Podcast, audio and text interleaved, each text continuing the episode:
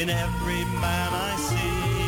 I know for sure I'd go with the bad if the Lord did walk with me. He makes a way for my escape. He'll hold back watch till my feet have touched the ground. He lifts me up when temptation tries to drown me. Till the waters have receded, he is all that is needed. I'm walking on worldly things I know I shouldn't touch. And I'm afraid I'd grab a little bit if I didn't love the Lord so much. Why, I know for sure I'd fall by the way if the Lord didn't talk to me. Make my escape when the will is weak and help me to walk the way. He makes a way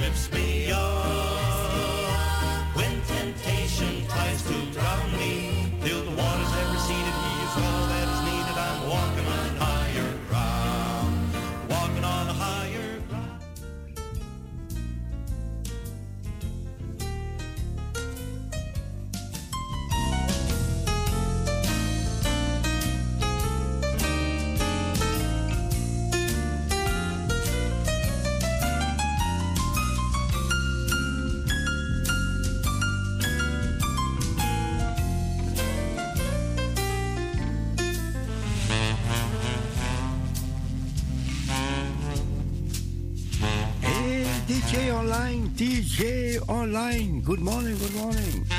Goedemorgen. Hartelijk welkom. We zijn tot de klok van 12 uur. We gaan een zegenvraag voor vandaag.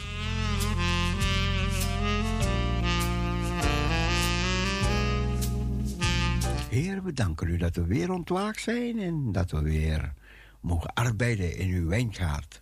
Zegenen ieder die luistert. In Jezus' naam. Amen. Amen.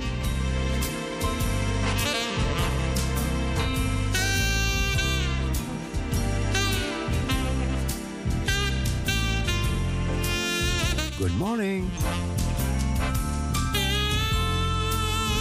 Buen.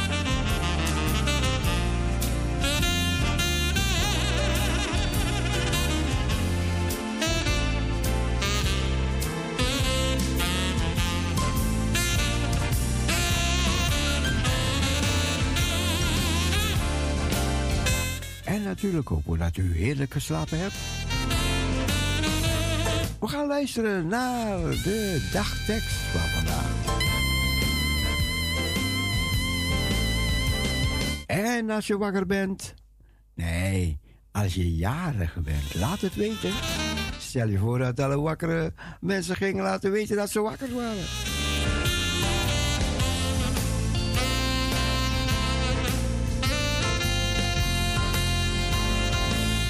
Parousia Gospel Radio.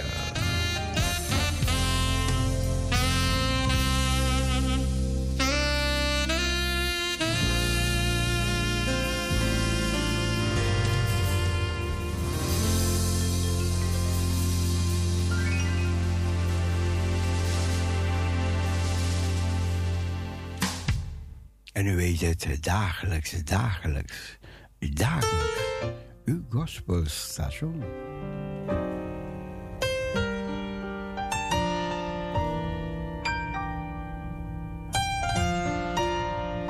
Marusha, goedemorgen. Goedemorgen, broeder Cecile. Goedemorgen. Good morning. Good morning. Gran morgu. Gran morgu, missie. Namaste. Name, Namaste. Misschien spreek ik het niet goed uit. Maar ja, Kota kembu, Jere. Kota kembu. ja, ja, ja. Dat kregen we. Bonja. Ja, Ja, bo- nee. oké, oké. Oké. Ja, want ik moet iedere week zeg ik het wanneer ik naar yoga ga. Ja, ja, ja. Hoe ze me- elkaar groeten. Ja. Ja, broeder Cecile. Vandaag is weer een nieuwe dag die de Heer gemaakt heeft. Ja, We danken God voor de nieuwe dag die die hij gemaakt heeft. En de afgelopen nacht dat hij ons weer wakker heeft gemaakt. Broeder Cecile, ja, wij aanbidden hem. Ja. Want hij is een eeuwige God. Hij is altijd geweest en zult altijd zijn.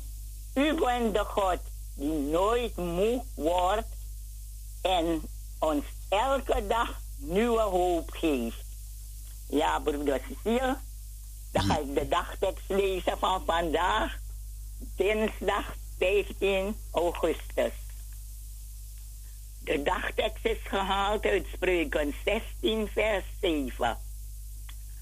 Als de weg die iemand gaat, de Heer behaagt, doet hij zelfs zijn vijand vrede met hem sluiten.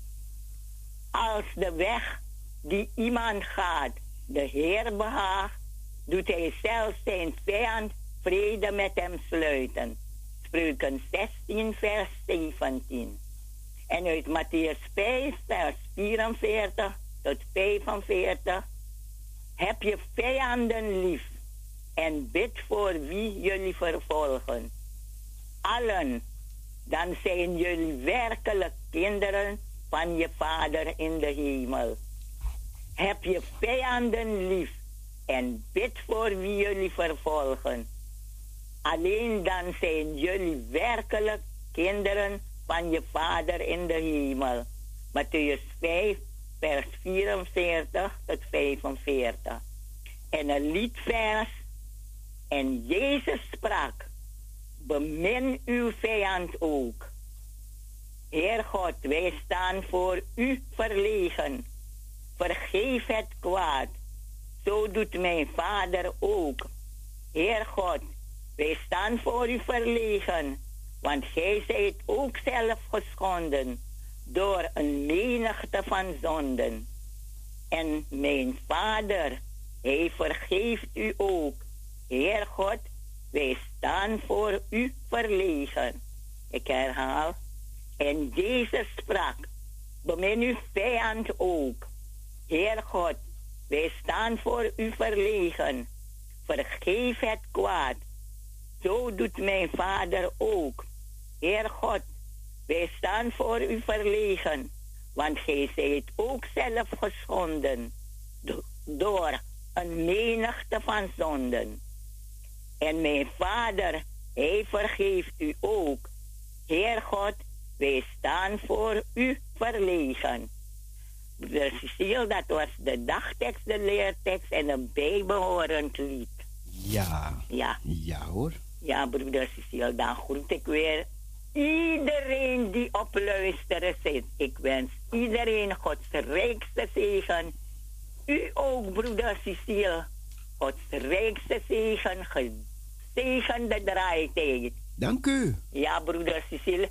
En mag ik nog iemand feliciteren die jarig is vandaag. En ook alle anderen. Gaat u gang, gaat u gang. Ja, ja. Nancy is vandaag jarig, broeder Cecile. Oké. Ja, Nancy, je wordt van harte gefeliciteerd. Gods rijkste zegen toegewenst. Bogo, bogo, bogo, blessie. Mm. En ik wil je ook wat meegeven. Je bent door God de Heer gekend. God, Hij kent jouw heel bestaan. Hij heeft jou zo bijzonder gemaakt en zijn liefde voor jou nooit verzaakt. Steeds blijft Hij met jou begaan. Jij mag er zijn voor God de Heer. Hij wil jou in alles gedenken en zijn liefde aan jou schenken. Hij zal je voor zorgen steeds weer. Jij bent een parel in Gods hand. Hij wil altijd naar je horen. Bij hem ben je nooit verloren. God doet zijn belofte gestaan. Amen. Dat was speciaal voor jou en de andere die jarig is. Want Nancy is een werkende bij in de kerk. Ze is voorbidder en zo. Ja, ja, ja. Ja, broeder, ze is een heel lief mens, broeder Cecile. Oké, oké. Nancy, ik hoop dat je wakker bent. En ja, hier ook gefeliciteerd met je moeder. Wees goed voor je moeder. Wees lief voor je moeder. Ja, broeder Cecile, en kunt u een lied voor haar draaien en voor die anderen die jarig zijn. Dat lied van Java Gate. Blessisa kom bogo bogo. Dat masra pramis na you. Ja, broeder Cecile. Wat is de titel? Blessisa kom bogo bogo van Java Gate. Er komen stromen van zegen. Oh, ja, ja, ja, ja. ja, ja.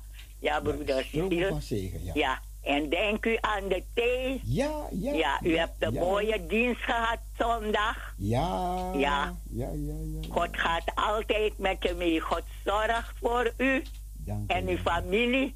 En u zorgt ook voor ons. Want Radio Parusha, Paru- van broeder Cecile, krijgen we onze hemelse voedsel van boven.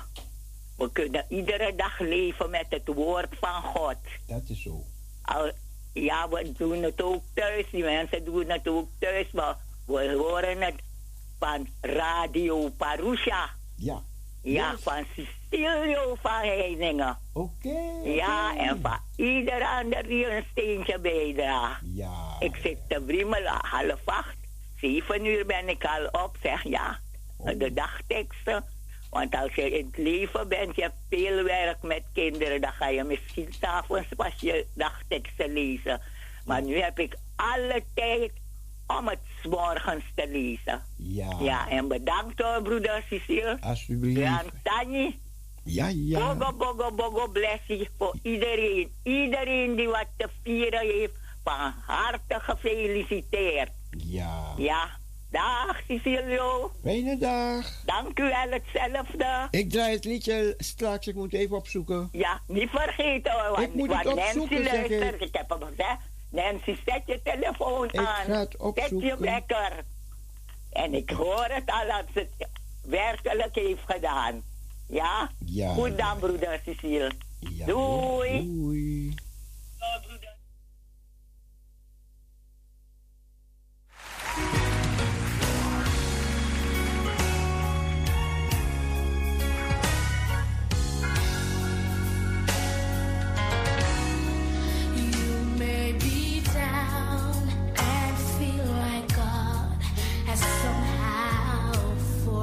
You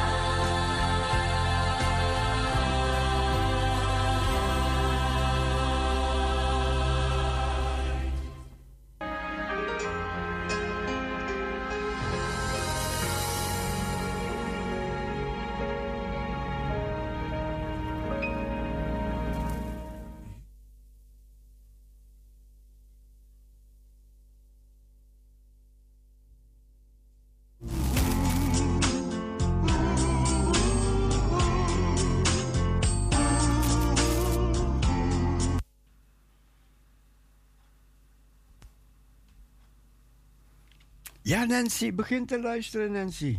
Je bent jarig vandaag. En wawang.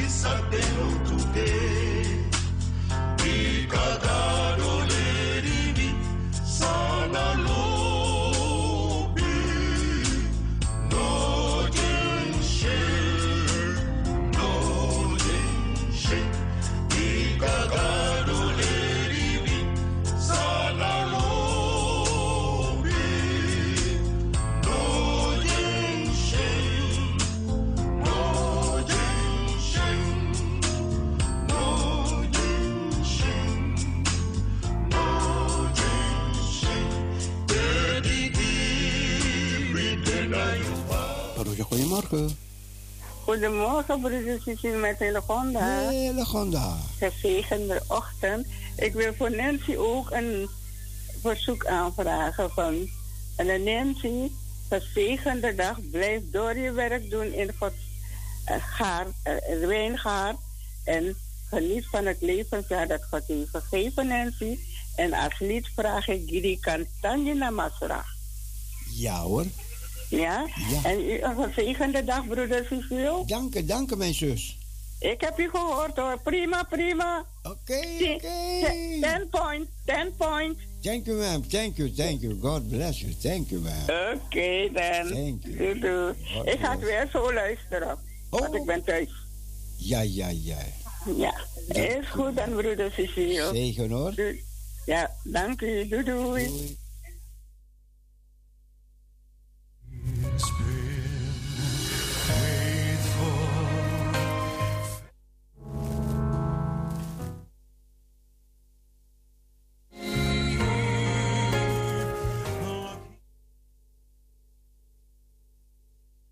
Nancy, ik heb je liedje gevonden.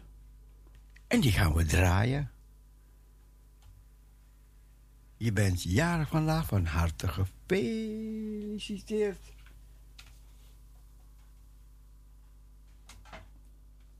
En hier komt het liedje. Oh.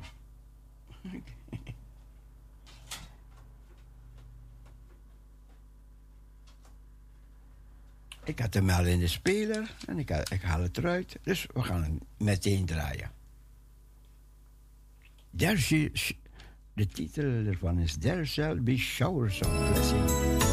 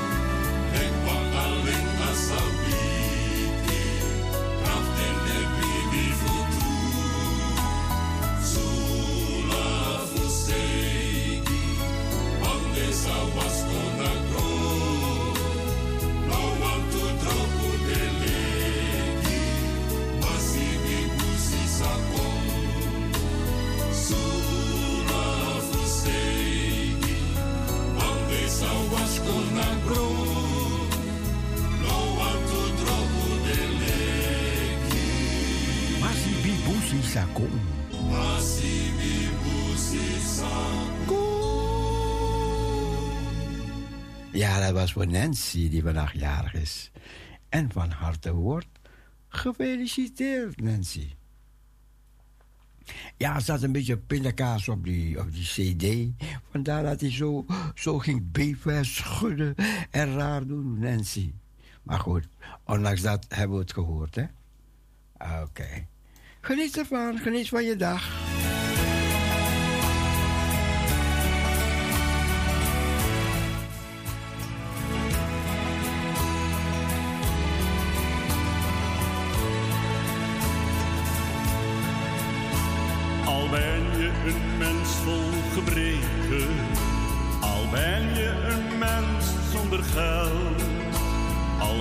Het zo vaak soms geleken dat jij in de wereld niet telt.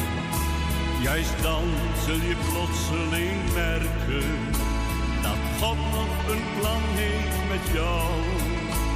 En dat hij door jou toch wil werken ten gunste van anderen in rouw. Want jouw liefde is meer in de kracht van de Heer, zodat iemand wordt troost bij jou vindt. Als je hart open staat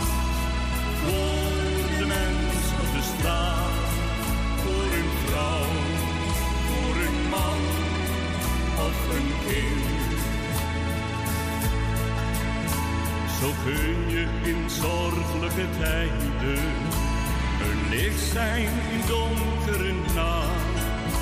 Voor mensen die bang zijn en lijden, want Jezus, Hij geeft jou de kracht. En dan zul je wondervol merken, al ben ik geknakt als een riem. De Heer zelf toch door mij werken, tot hulp aan een mens met verdien.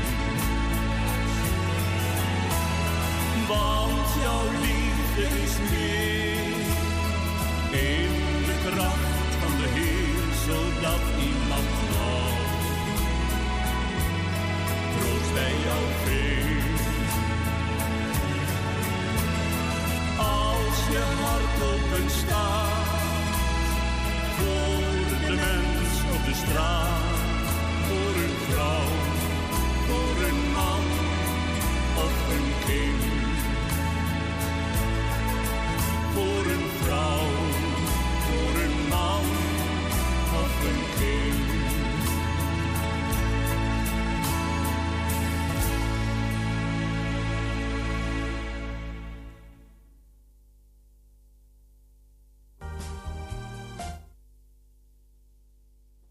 We gaan er eentje draaien die Hillegonda aangevraagd heeft. Voor Nancy G. Grantangi namens haar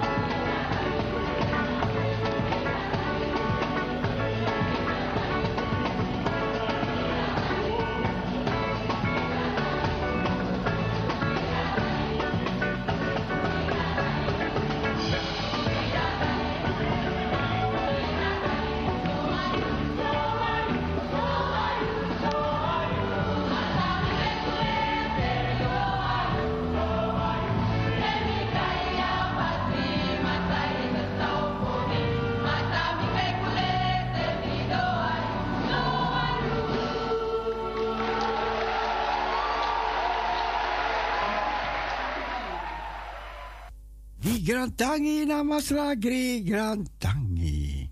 En dat was speciaal voor Nancy op je verjaardag vandaag.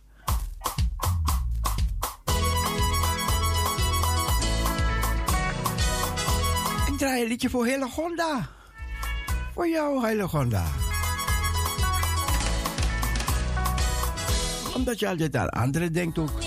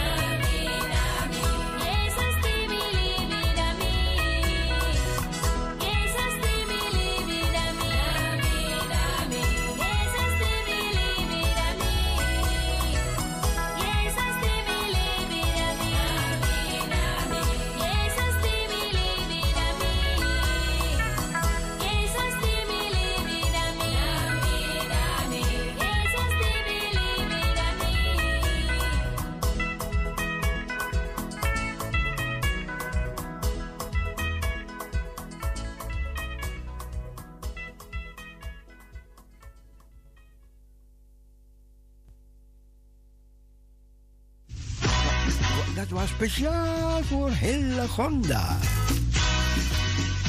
Jerusalem, Jeruzalem, David Doroyanda, na Jeruzalem.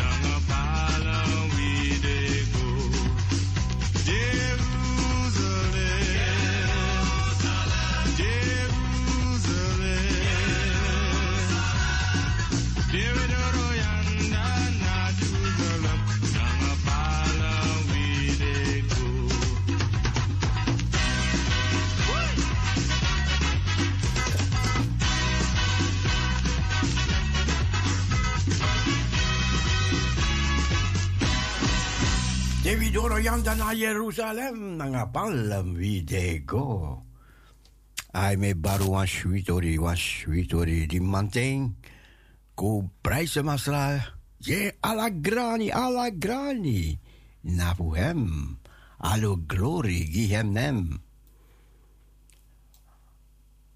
Ko draaien, oh, mo draaien ah, singi dati. Ala grani na hem. a granina fuhem. a la glori giemnem,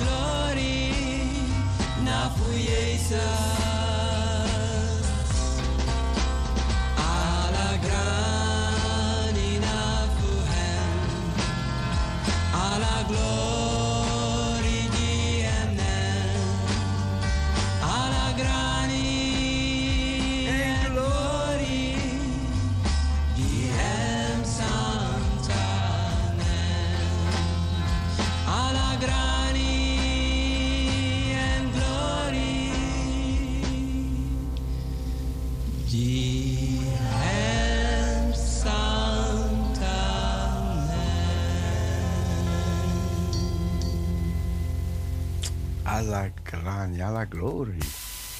Di hem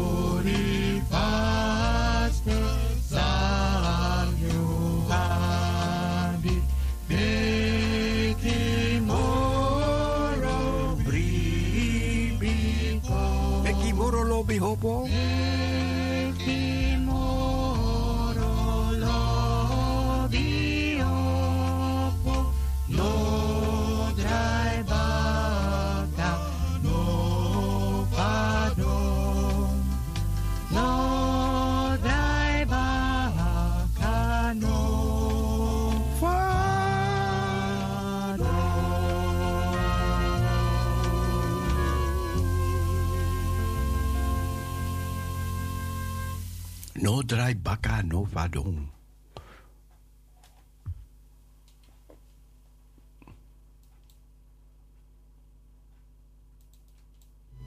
Laten we even die mannen laten zingen.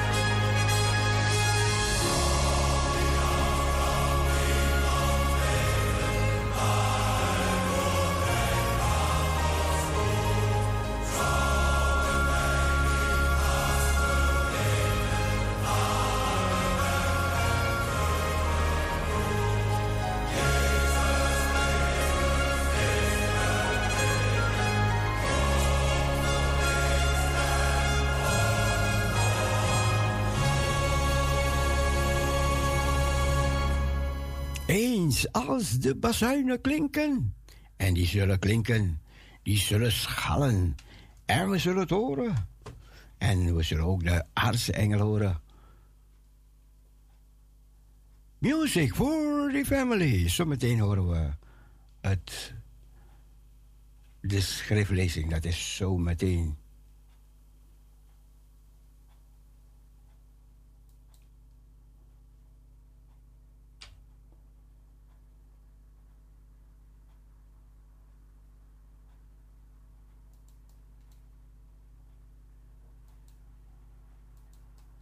Deze mooie liedjes. Jezus alleen.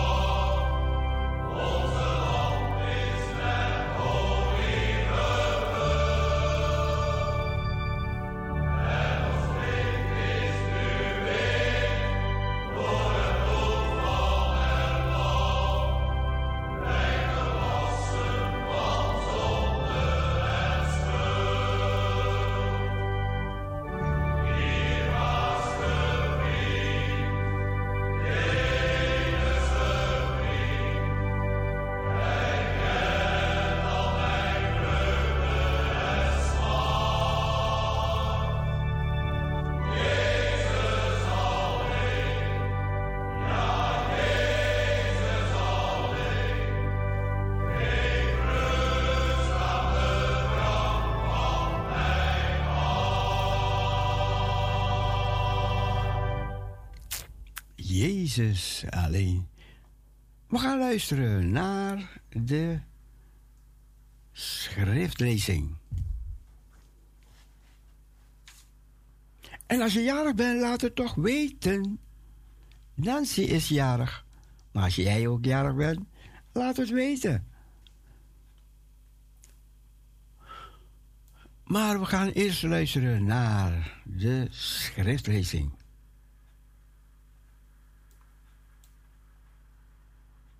Die komt eraan. Jezus,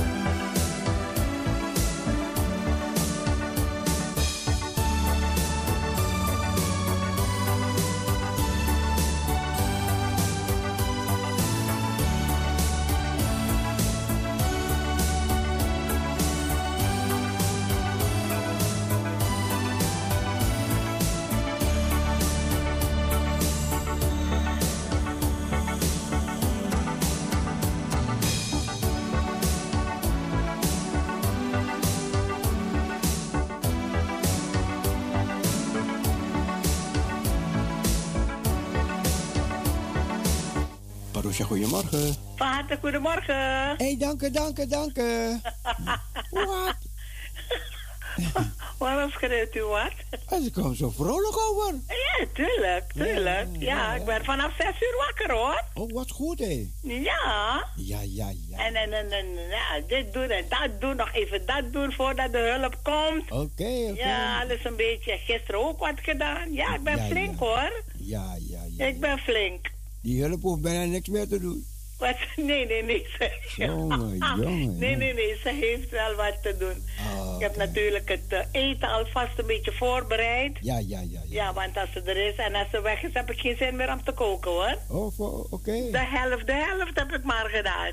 Oké. Dan, eh, het, het, het, het moeilijkste gedeelte. Ja, ja, ja, ja. En die had een beetje tijd nodig. Dus ik ben drie kwartier aan het kokkerellen geweest. Wat? Zo. Dus dat is alvast in orde. Ja, ja. Dan weet ik zeker dat eh, het eten voor de rest een beetje, beetje klaargemaakt is. Oké. Ja, ja, ja. Dus eh, zodoende. Ja. Dus ik ben niet nu wakker, ik ben al lang wakker hoor. Oké. Ja, u ook toch? Ja, ja, ja.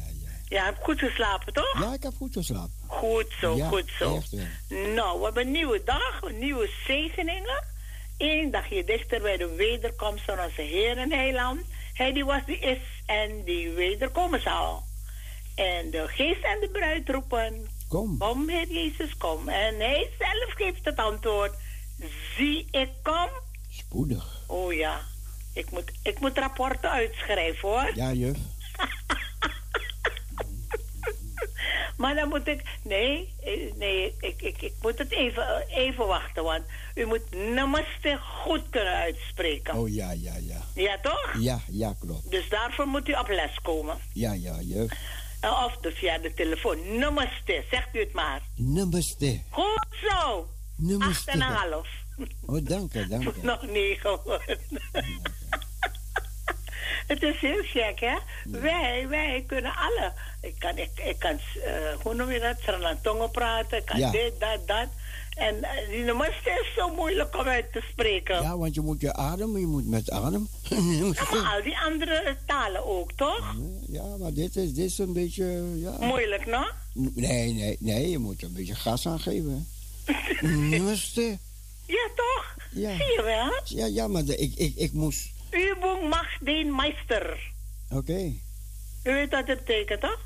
Meister weet ik wel. Übung, oefening baart kunst. Oh, Übung, oké. Übung macht den Meister. Übung mag dat meister. Übung macht den. Je moet het vervoegen. den, Übung macht den Meister. Oefening baart kunst. Ja, ja, juf. Zodra je oefent, oefent, oefent, oefent. Ja, ja. En herhaalt, herhaalt, herhaalt. Herhaling is de moeder der wijsheid. Blijven herhalen. Het, je moet het onder de knie krijgen. Die kinderen op school, als ze tafels moeten leren, moeten ze steeds oefenen, oefenen, oefenen. En dan leren ze het. Ja, Ja, toch? ja. Je, dingen leer je echt niet zomaar. Sommige dingen wel. Bij andere dingen moet je gebruik maken van ezelsbruggetjes. Oh ja, ja, ja, ja. ja, een ezelbruggetje.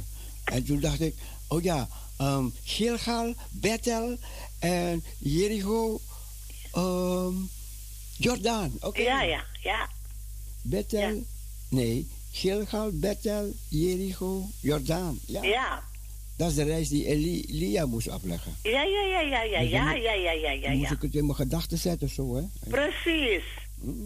En zo, zo, zo probeer ik dus de namen in de Bijbel te onthouden. Ja, ja, ja. Ja, ik, toen ik eh, Leviticus begon, heb ik ook eh, doorgegeven via uw radio, via eh, radiostation van de Heer. Ja, ja. de zonen van, van, van Aaron. Oh ja. Nadab. Aaron eindigt op een N, dus Nadab. Nadab eindigt op AB, Abihu. Mooi hè? Ja, ja, ja. Eh, En, en weet u, ik teken al die dingen aan als, als iemand mij zoiets eh, eh, eh, zegt. Ja, Dan heb ik pen en ik, ik heb overal pen en papier. oké. En ik teken het aan en eh, soms zit je en dan lees je die dingen en dan onthoud je het ook. Ja, ja. Ja, toch? Ja. En die, andere, die twee andere zonen van hem, u gaat lachen, onthoud ik met eh, het woordje ei. Hey. Ik eet een ei. Ja.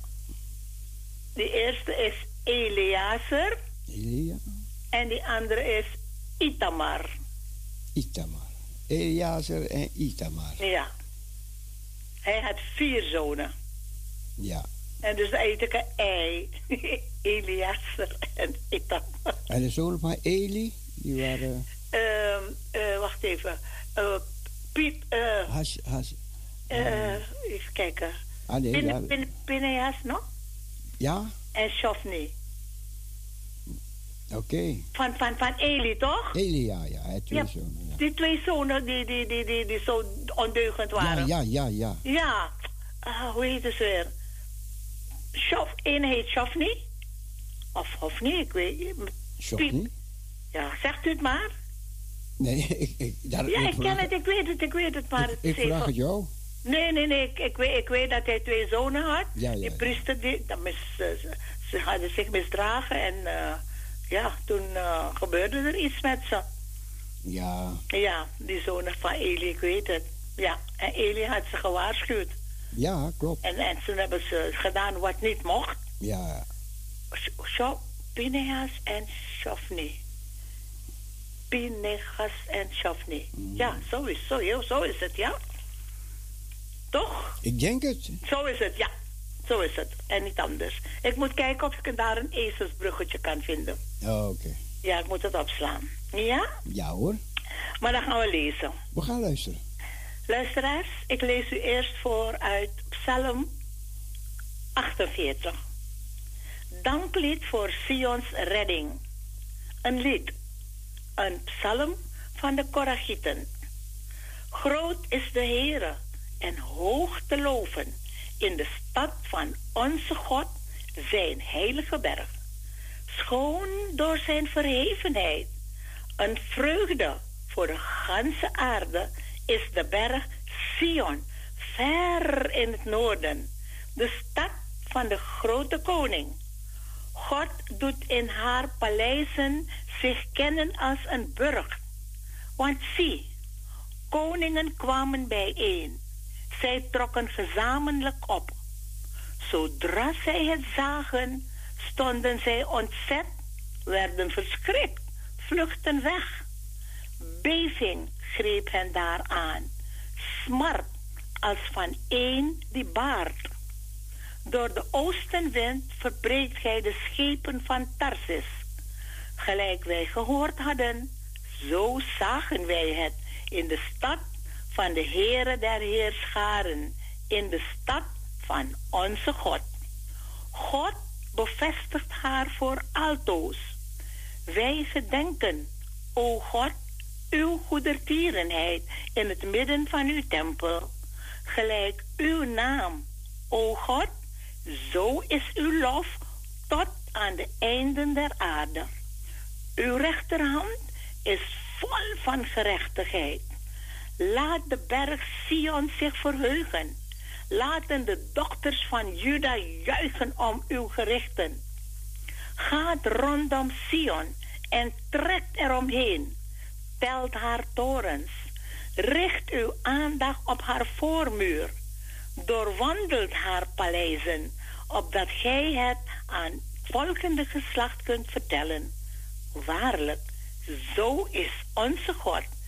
Pardon, waarlijk, zo is God, onze God, voor eeuwig en altoos. Tot de dood toe zal Hij ons leiden. En de tweede schriftlezing is uit het eerste gedeelte van Leviticus 14, de versen 1 tot en met 27. Daar lezen we zo. De Heere sprak tot Mozes. Dit zal de wet voor de Melaatse zijn ten dagen van zijn reiniging. Hij zal tot de priester gebracht worden en de priester zal uitgaan buiten de legerplaats. Wanneer de priester hem beziet en het blijkt dat de plaag der melaatsheid genezen is, van de melaatse is geweken, dan zal de priester gebieden voor hem die gereinigd moet worden, twee levende, reine vogels te nemen. Ook zederhout, scharlaken en hyssop. De priester zal gebieden de ene vogel te slachten boven een aardenpot met levend water. De levende vogel echter zal hij nemen benevens het zederhout, het scharlaken en de hyssop. En hij zal die met de levende vogel dopen in het bloed van de vogel die boven het levende water geslacht is. En hij zal hem die van de melaatsheid gereinigd moet worden, zevenmaal besprenkelen en hem reinigen.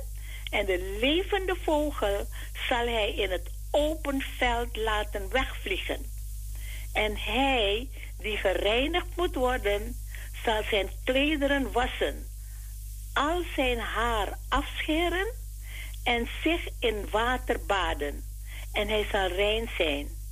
Daarna zal hij in de legerplaats komen, maar zeven dagen buiten zijn tent blijven.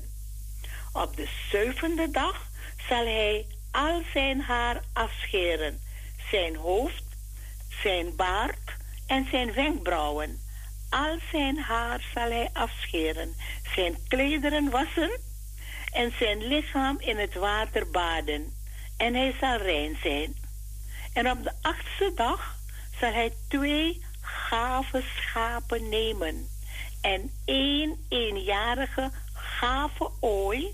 En drie tienden eva fijn meel als spijsoffer, aangemaakt met olie en één lach olie.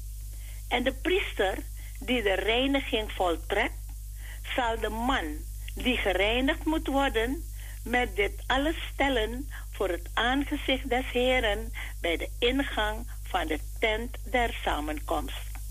De priester zal het ene schaap nemen en het tot een schuldoffer offeren met het log olie.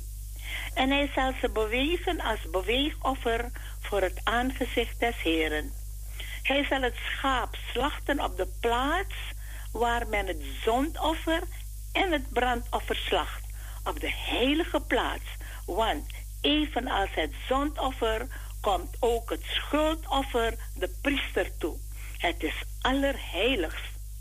De priester zal een deel van het bloed van het schuldoffer nemen en dit strijken aan de rechteroorlel van hem die gereinigd moet worden. en aan zijn rechterduim en aan zijn rechter grote teen. En de priester zal een deel van het logolie nemen en op zijn eigen linkerhand gieten. De priester zal zijn rechtervinger dopen in de olie die in zijn linkerhand is. En van die olie met zijn vinger zevenmaal sprenkelen voor het aangezicht des Heren. Van de rest van de olie die in zijn hand is, zal de priester iets strijken aan de rechteroorlel van hem die gereinigd moet worden, en aan zijn rechterduim en zijn rechter grote teen boven op het bloed van het slachtoffer. En wat van de olie in zijn hand is overgebleven, zal de priester doen op het hoofd van hem die gereinigd moet worden. Zo zal de priester over hem verzoening doen voor het aangezicht des Heren. En de priester zal het zondoffer bereiden en verzoening doen over hem die gereinigd moet worden van zijn onreinheid. En daarna zal hij het brandoffer slachten. De priester zal het brandoffer en het spijsoffer op het altaar offeren. En de priester zal, verdoening, zal verzoening over hem doen en hij zal rein zijn. Maar indien hij arm is en zijn vermogen niet toereikend is, dan zal hij nemen één schaap als schuldoffer tot een beweegoffer om verzoening over hem te doen met één tiende eva fijnmeel, aangemaakt met olie, tot een spijsoffer en één log olie. Ook twee tortelduiven of twee jonge duiven, maar dat naardat zijn vermogen toereikend is, en de ene zal zondoffer en de andere brandoffer zijn. Hij zal ze tot zijn reiniging op de achtste dag tot de priester brengen bij de ingang van de tent der samenkomst voor het aangezicht des Heren. De priester zal het schaap voor het schuldoffer nemen en het log olie. En de priester zal ze bewegen als beweegoffer voor het aangezicht des Heren. Hij zal het schaap voor het schuldoffer slachten. En de priester zal van het bloed van het schuldoffer nemen en dat strijken aan de rechteroorlel van hem die gereinigd moet worden en aan zijn rechterduim en zijn rechter grote teen. En één deel van de olie zal de priester in zijn eigen linkerhand gieten en de priester zal met zijn rechtervinger van de olie die in zijn linkerhand is, zevenmaal sprenkelen voor het aangezicht des Heren. Ik las u voor uit Psalm 48 en het eerste gedeelte van Leviticus 14, de versen 1 tot en met 27. Zalig allen die het woord van God horen, het in hun hart bewaren en ernaar trachten te leven. Amen, amen. Amen. Gisteren heeft u een eh, prediking laten horen Ja, over Hebreeën 13, weet u nog? ja, ja. En dat ging allemaal, hè? die bro- broeder had het speciaal over buiten de legerplaats. Ja, Ja, toch? ja. En pas wanneer de, degene die helemaal gereinigd was, die mocht dan weer in de legerplaats. Klopt. En zo is de Heer ook buiten de legerplaats gekruisigd. Ja. Toch? Ja. Prima. Ja.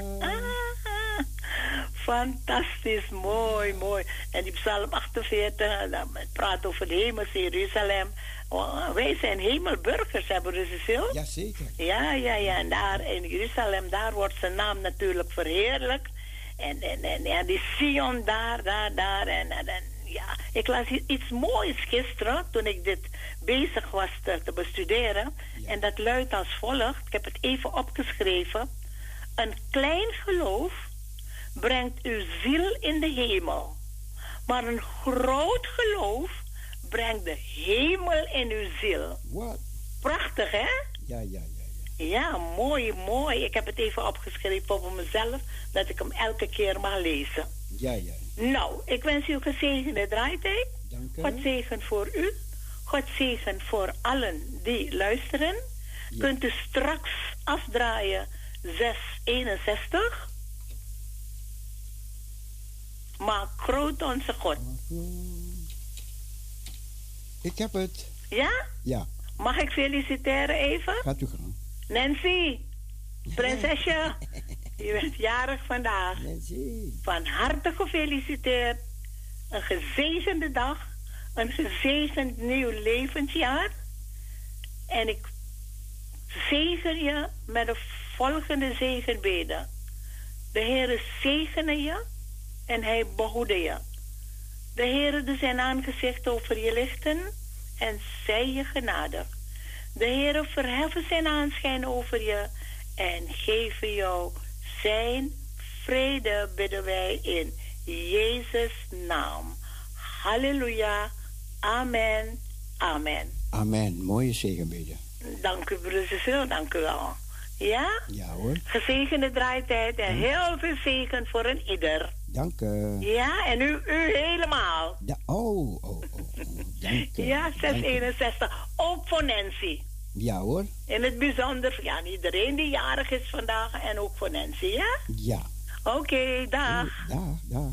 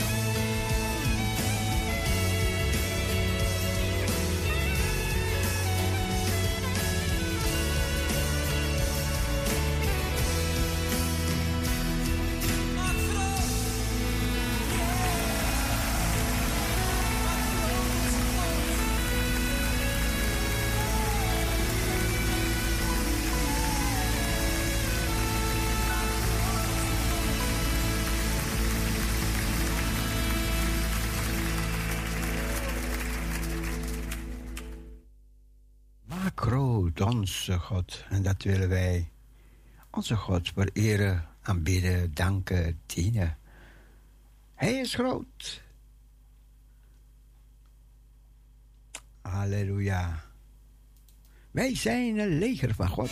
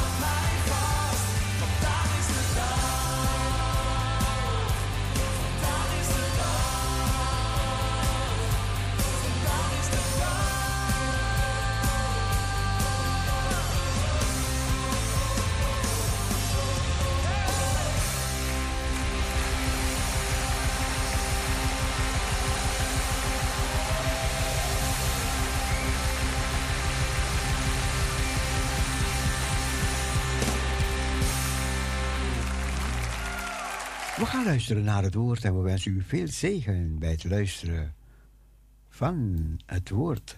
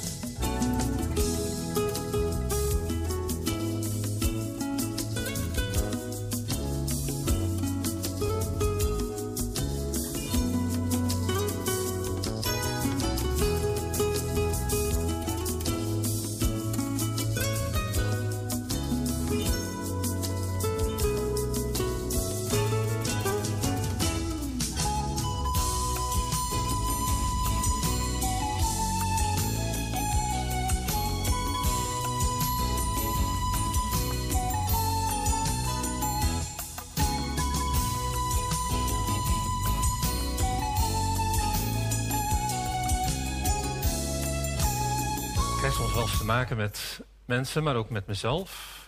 En dan, ja, ik weet niet of u dat kent, of u dat herkent. Maar je hebt soms wel eens van die momenten van ehm, geestelijke droogte, geestelijke dorheid in je leven. Dat het niet zo sprankelend is. Dat het woord van God je niet zo aanspreekt. Dat je moeite hebt om naar de dienst te komen. Dat je aan het bidden bent en ja, het doet eigenlijk weinig.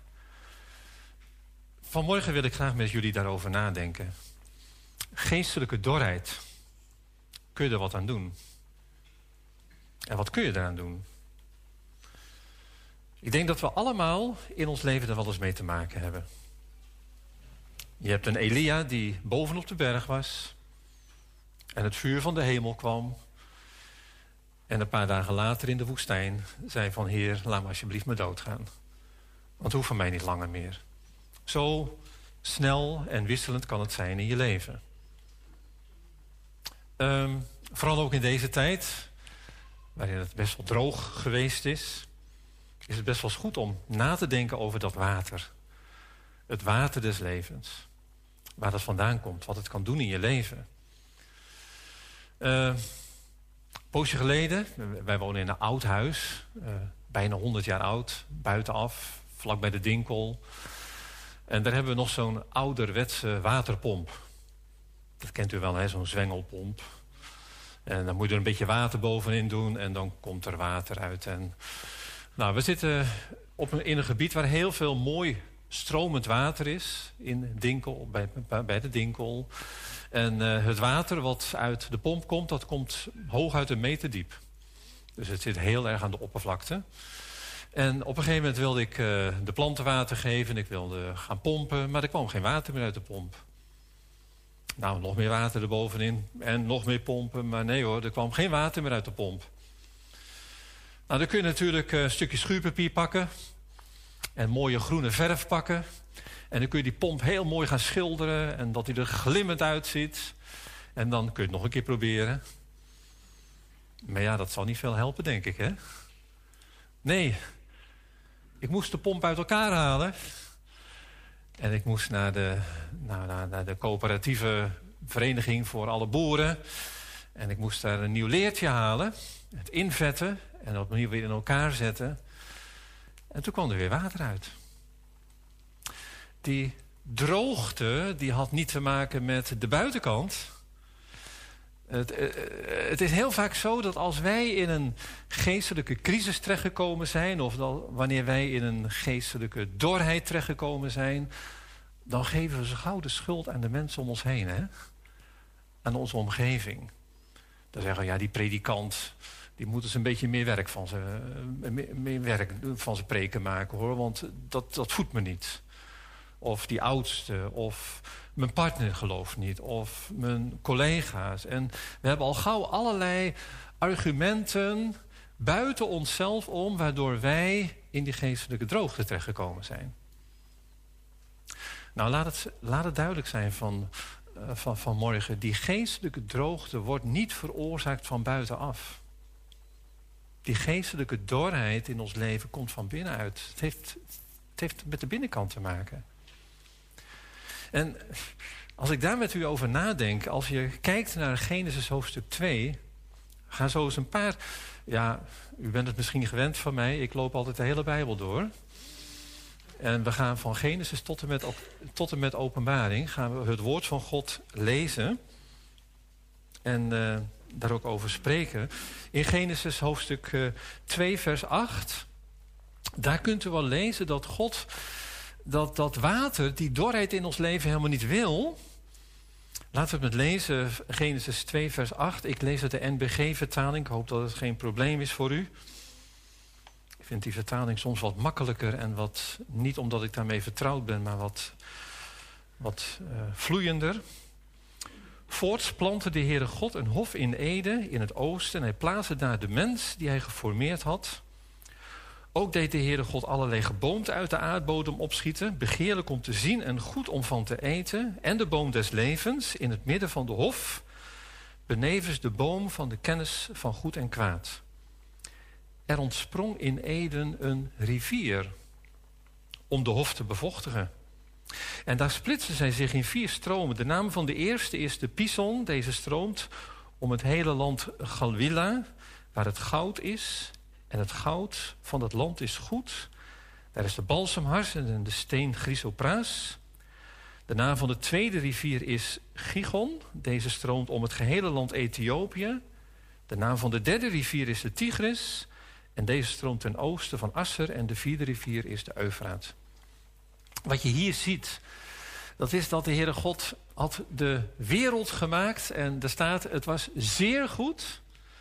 En uh, daar, daar, viel niets meer aan om, om het compleet te maken. Het was goed. Maar de Heere God die wilde niet dat de mens over de hele aarde zou zwerven. En toen heeft de Heere God een hof aangeplant. Hij was ook tuinarchitect. En dan in, in het boek Ezekiel lees je zelfs welke bomen de Heere God daarvoor gebruikte. Daar staat bijvoorbeeld, hij gebruikte de platanen, plant hij, en cipressen. Dus loofbomen en naaldbomen heeft hij daar geplant. En ook uh, allerlei vruchtbomen. En uh, ja, we kennen de vijgenboom die er ook stond. Allerlei geboomte stond daar. Het is eigenlijk heel mooi om te zien dat als we de eerste keer over de Heere God lezen... dan ontmoeten we hem als de tuinman. En als we in het Nieuwe Testament het eerste Heer ontmoeten, ontmoeten we hem als de timmerman. Van de tuinman werd hij de timmerman, die aan het bouwen is geslagen om de gemeente te bouwen. En dan staat er hier, en hij plaatste de mens in de hof. Waarom? Nou, in die hof, u weet ook wel dat sommige mensen de, de hof van Ede, zoals het hier staat, ook wel het paradijs noemen. Maar staat hier niet. Het is niet uh, hier wordt nergens het woord paradijs gebruikt. Maar een paradijs, dat is een, een koninklijke tuin rondom het koninklijk paleis. Een ommuurde hof. Dat is een Aramees woord voor hof, paradijs. Alleen toegankelijk voor uh, de koninklijke familie. Als u bij de poort staat van de tuin van het Huis Den Bosch... waar onze koning woont, dan zult u daar niet binnen mogen komen. Dat is alleen voor de, voor de, voor, voor de koninklijke familie en het personeel wat daar werkt. Nou, dat was de Hof van Ede. En daar had God elke avond, in de avondkoelte... een ontmoeting met Adam en Eva. Hij wandelde daar, hij had contact met hen... En, en, en het mooie is, in vers 10, er ontsprong een rivier. En deze rivier die bevochtigde de hele hof. Dus er hoefde niet gesproeid te worden. Eh, er waren geen sprinklers of wat dan ook. Die, die, die hof die werd bevloeid door deze bron. En vanuit deze bron stroomde het water zelfs tot buiten de Hof van Ede. Weet u tot waar? Nou, er staat zelfs dat hier gesproken wordt over een rivier die om het land Ethiopië stroomt. Nou, dat is nogal wat, hè? De Eufraat, die naar de Perzische Golf loopt. Ehm, nou, u weet waarschijnlijk wel door de, door, de zondvloed daar eh, grote veranderingen in het, in, in het relief van deze aarde gekomen is. Maar het is zeer waarschijnlijk dat de Nijl, en de Nijl is niet de grootste, maar wel de langste rivier ter wereld. Dat daar de Nijl misschien wel een restant van is, van deze rivier. Het is toch geweldig, hè? Dat vanuit deze hof waar God was, en waar hij de mens wilde hebben, waar God en mens samen leefden, dat daar vandaan het water overal naartoe stroomde. Nou, daar heeft God de mens geplaatst. Zonder geestelijke dorheid. Zonder geestelijke droogte. Daar stroomde het water des levens. Maar we weten ook dat er een moment kwam dat de mens God ongehoorzaam geworden is. En dan staat er letterlijk in het derde hoofdstuk van Genesis. En hij verdreef de mens. Dat is nog wel wat, hè? De mens waar hij zo van houdt. De mens die hij zo lief heeft. Heeft God uit zijn aanwezigheid verdreven. Laat het duidelijk zijn vanmorgen, broeders en zusters. God is niet alleen een lieve God. God is niet een soort mantelzorger die zorgt dat we alles krijgen wat we nodig hebben. God is niet een Sinterklaas die alleen maar uitdeelt. Maar God is, naast het feit dat hij zoveel liefde heeft, is God ook een God die volkomen rechtvaardig is en de zonde niet kan dulden in, in zijn aanwezigheid. En dan zien we dat God de mens verdrijft en dan komt de mens te staan buiten de hof van Eden waar die bron is. Weg van de bron van het water des levens. En toen? Nou, dan lezen we dat daar aan het oosten van deze tuin Gerubijnen hun plaats innamen om de weg te bewaken dat niemand mocht meer in die hof van Eden komen. En vanaf dat moment laat het duidelijk zijn, broeders en zusters, jongens en meisjes. Vanaf dat moment is er niemand op aarde die in de Hof van Eden geboren werd. We zijn allemaal buiten de gemeenschap met God geboren. Of je nou een klein babytje bent of wat.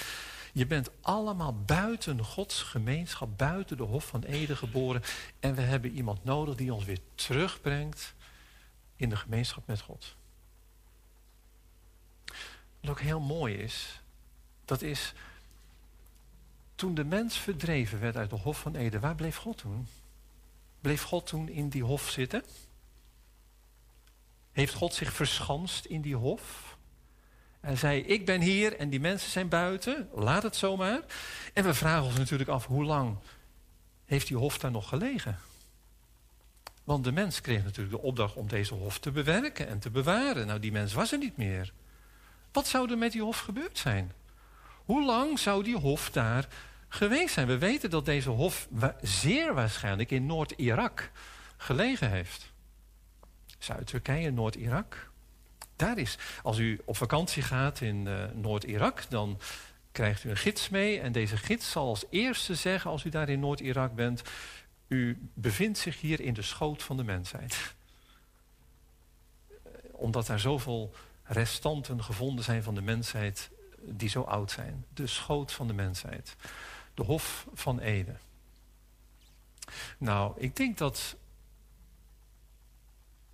tien generaties later, na de, de tiende generatie na Adam, kreeg je Noach. En dat na Noach, na de zondvloed, er helemaal niets meer van de Hof van Ede over was. Helemaal niets meer. Toen was het voorbij.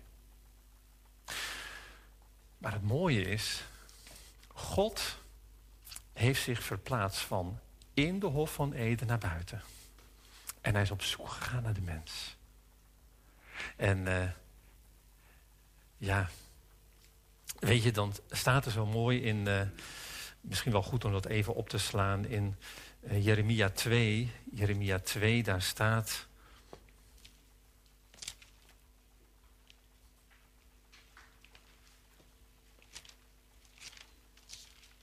Dat het niet meer de Hof van Eden was, waar die bron letterlijk ontsprong.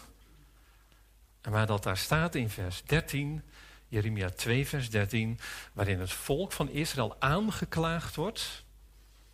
En dan zegt Jeremia in het dertiende vers, mij, de bron van levend water, hebben ze verlaten. Om zichzelf bakken uit te houden, gebroken bakken die geen water houden. Mensen, dat is de tijd waar wij in terechtgekomen zijn. Mensen die de bron verlaten hebben, die, die God losgelaten hebben, de bron van levend water en zich allerlei bakken uitgehouden hebben waarvan ze denken, nou dat houdt ons wel in leven. Nou, dat is de tijd waar we vandaag in terechtgekomen zijn. Zoveel mensen die op zoek zijn naar het echte leven. Naar het echte leven. En dan denken ze het gevonden te hebben, maar het stroomt zo weer weg. Ze denken bakken van leven te ontvangen op, vanuit het ene festival. Uh, leven ze naar het andere festival. Ook christenen die van het ene festival naar het andere festival gaan en, en zich bakken maken om dat leven mee naar huis te nemen. Het is zo weer weg. Het is zo weer weggevloeid. Mij, de bron van levend water, hebben zij verlaten. Nou, van daaruit wil ik graag met u nadenken over die bron die er ook vandaag voor ons is, waar we uit mogen drinken. En die bron, daar kunnen we over lezen in Ezekiel 47, het aangekondigde schriftgedeelte wat ik met u wil lezen. Ezekiel 47, vers 1 tot en met 12. Dat gaat over Ezekiel die door een man, en deze man die wordt vergeleken met koper en heeft een meetlint in zijn hand en een, en een meetstaf.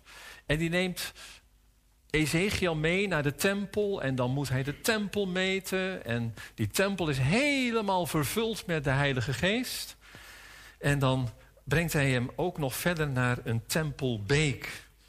In hoofdstuk 47, Ezekiel 47, vers 1 tot en met 12 wil ik u, met u lezen. Toen bracht hij mij terug naar de ingang van het huis. En er stroomde water onder de drempel van het huis uit, oostwaarts. Ook weer, die Hof van Eden was ook in het oosten. Oostwaarts, oostwaarts, daar, daar verschijnt de zon. En maakt de zon een einde van aan de nacht. Hè? En als het gaat over het oosten, dan gaat het altijd over de overwinning over, het, over de duisternis. Het gaat al een teken van overwinning. Want de voorzijde van het huis was op het oosten. Het water vloeide onder de rechterzijkant van het huis vandaan, ten zuiden van het altaar.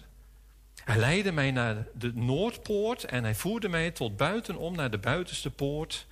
Naar de poort die op het oosten uitzag en zie, daar borrelde water op uit de rechterzijkant. Nadat de man uitgegaan was naar het oosten met een meetsnoer in zijn hand, mat hij duizend el, dat is ongeveer zo'n 500 meter, iets minder, en deed mij door het water gaan.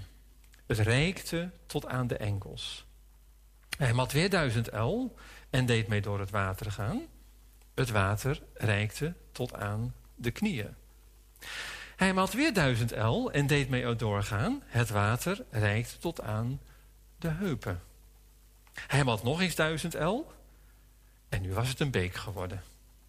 Die ik niet doorwaden kon, want het water was zo hoog dat men erin zwemmen kon. Een beek die men niet kon doorwaden.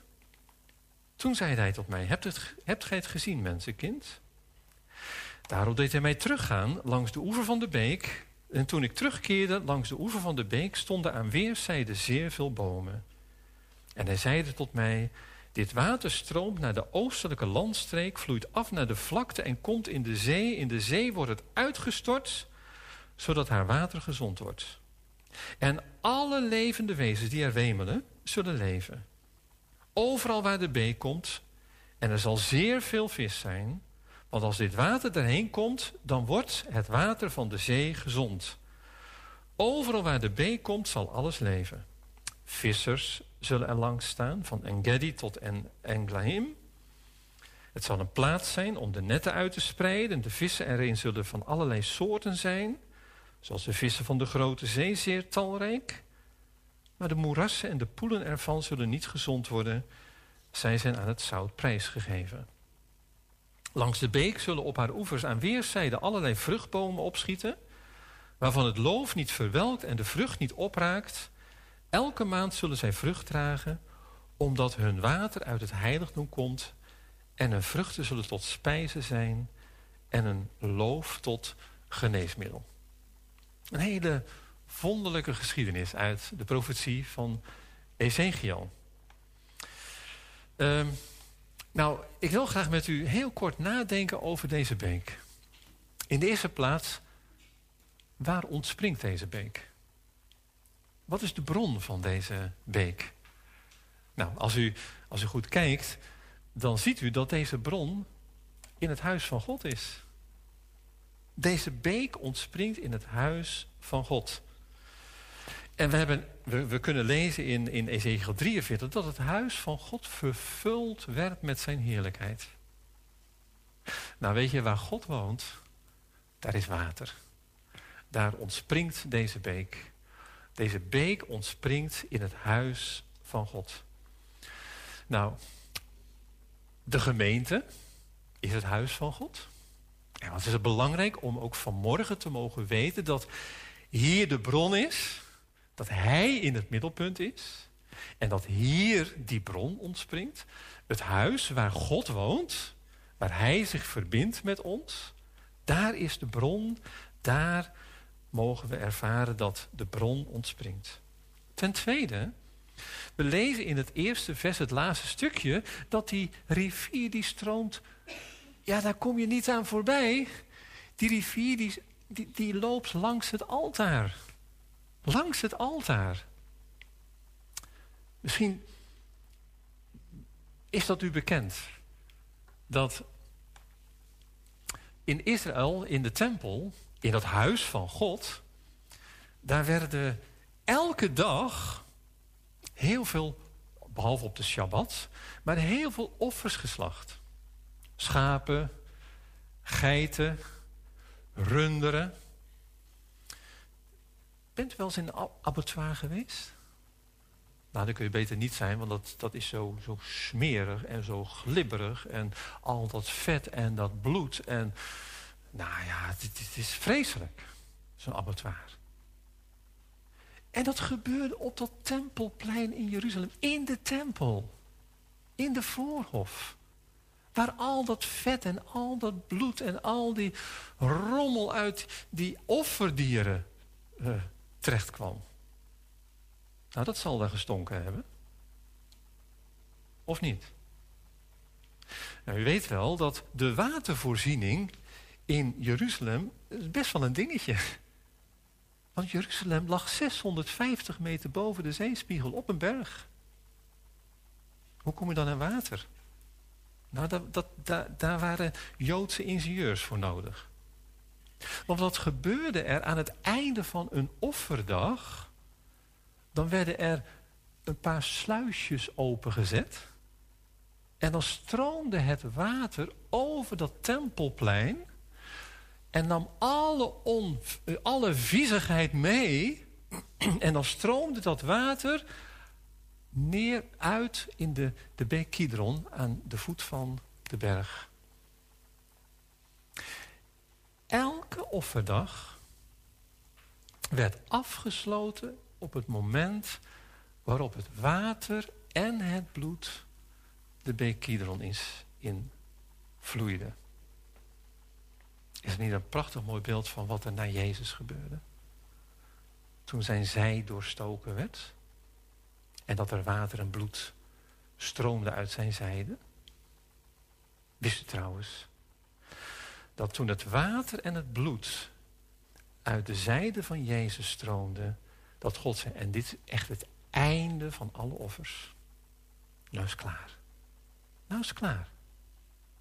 Wat elke, elke offerdag aan het einde liet zien, werd vervuld in Christus.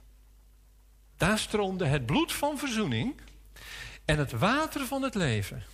Vandaar, we kunnen niet zomaar om dat altaar heen. De bron in het huis van God. Daar kun je de bron vinden. De bron daar bij dat altaar. Waar Christus voor ons geleden heeft. En als u kijkt in openbaring 22, waar, waar was de bron van deze rivier?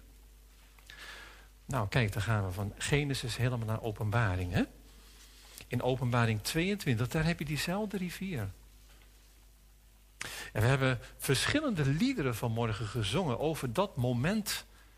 Het moment waarop dit plaats zal vinden.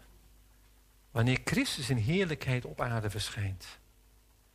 Wanneer Hij aanbeden zal worden over de hele wereld. En Hij de vredevorst zal zijn hier op aarde. En dan staat er in openbaring 22 vers 1. En Hij toonde mij een rivier van water des levens. Helder als kristal. Ontspringende uit de troon van God en het lam. Midden op haar straat en aan weerszijden van de rivier staat het geboomte des levens, dat twaalfmaal vrucht draagt, iedere maand zijn vruchtgevende. En de bladeren van het geboomte zijn tot genezing der volkeren. Wat schitterend, hè? De bron van deze rivier is in het huis van God. De bron van deze rivier is bij dat altaar waar Christus voor ons geslagen werd. Zoals eens de rots geslagen werd in het Oude Testament en daar water uitkwam. En de bron van deze rivier, wat lezen we hier in Openbaring 22? Onder de troon van God. Als Hij mag regeren in ons leven. Als Hij het voor het zeggen mag hebben in ons leven. Denkt u dan ooit dat we tekort hebben aan water? Daar is de bron van dit water. Vandaar dat David zo mooi zegt. Hij zegt, al mijn bronnen zijn in u. Kunt u dat met David meezeggen? Al mijn bronnen zijn in u. De bron, eh, we- weet je, dat water des levens, ik, zal- ik zal aan het einde van de toespraak er ook nog iets over zeggen. Eh, dat water des levens, dat wordt ehm, in eh, Johannes 7 ook genoemd. En dan staat er, dit zeide hij van de geest.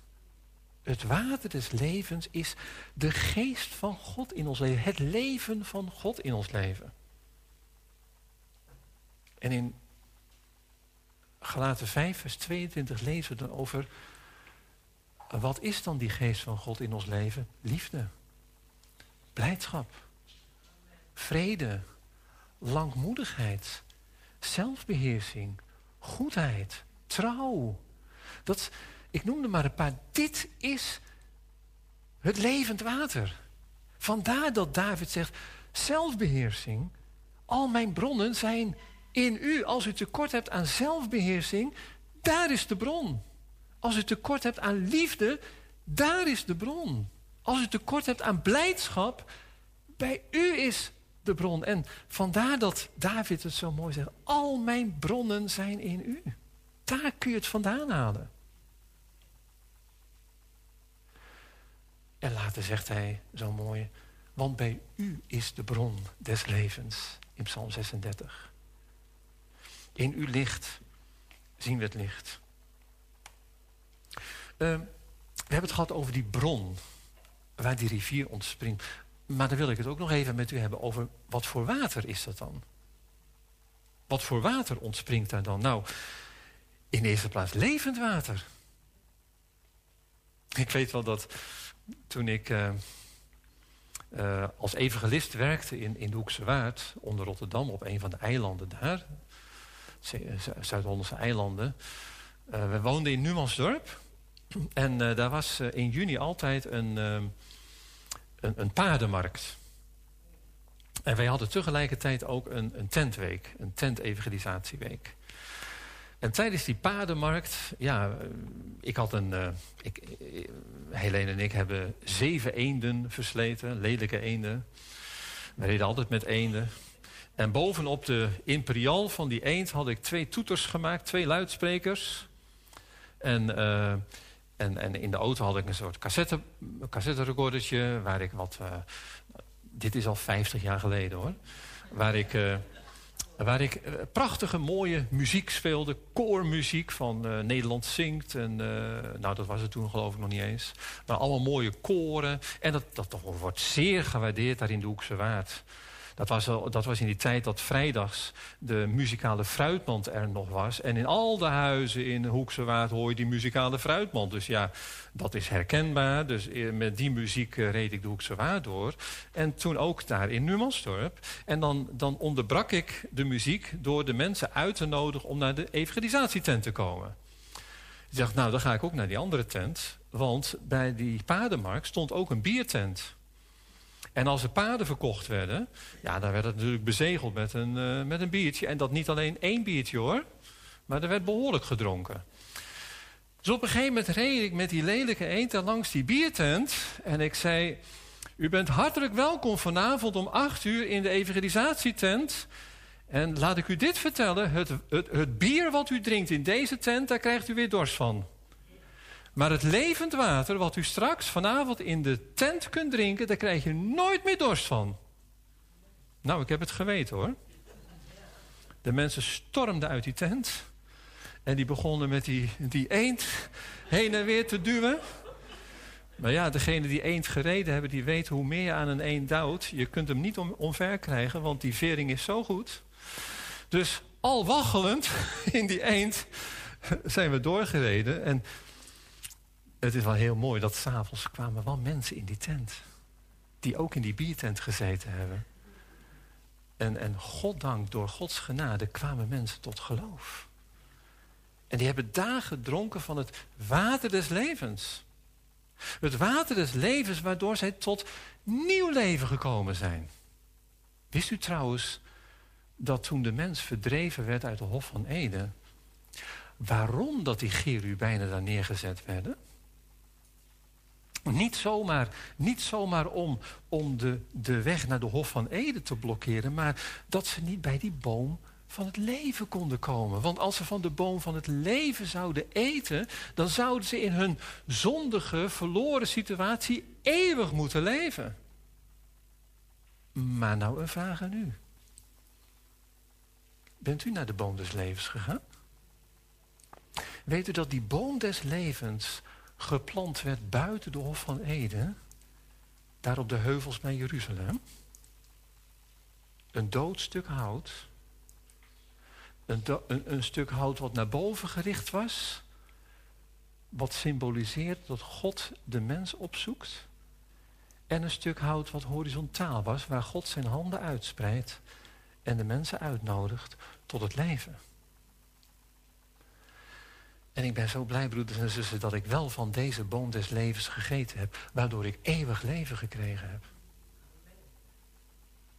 Nou, dat is het water des levens. Het water des levens geeft ons eeuwig leven. Ten tweede, overal waar dat water komt, wordt alles gezond.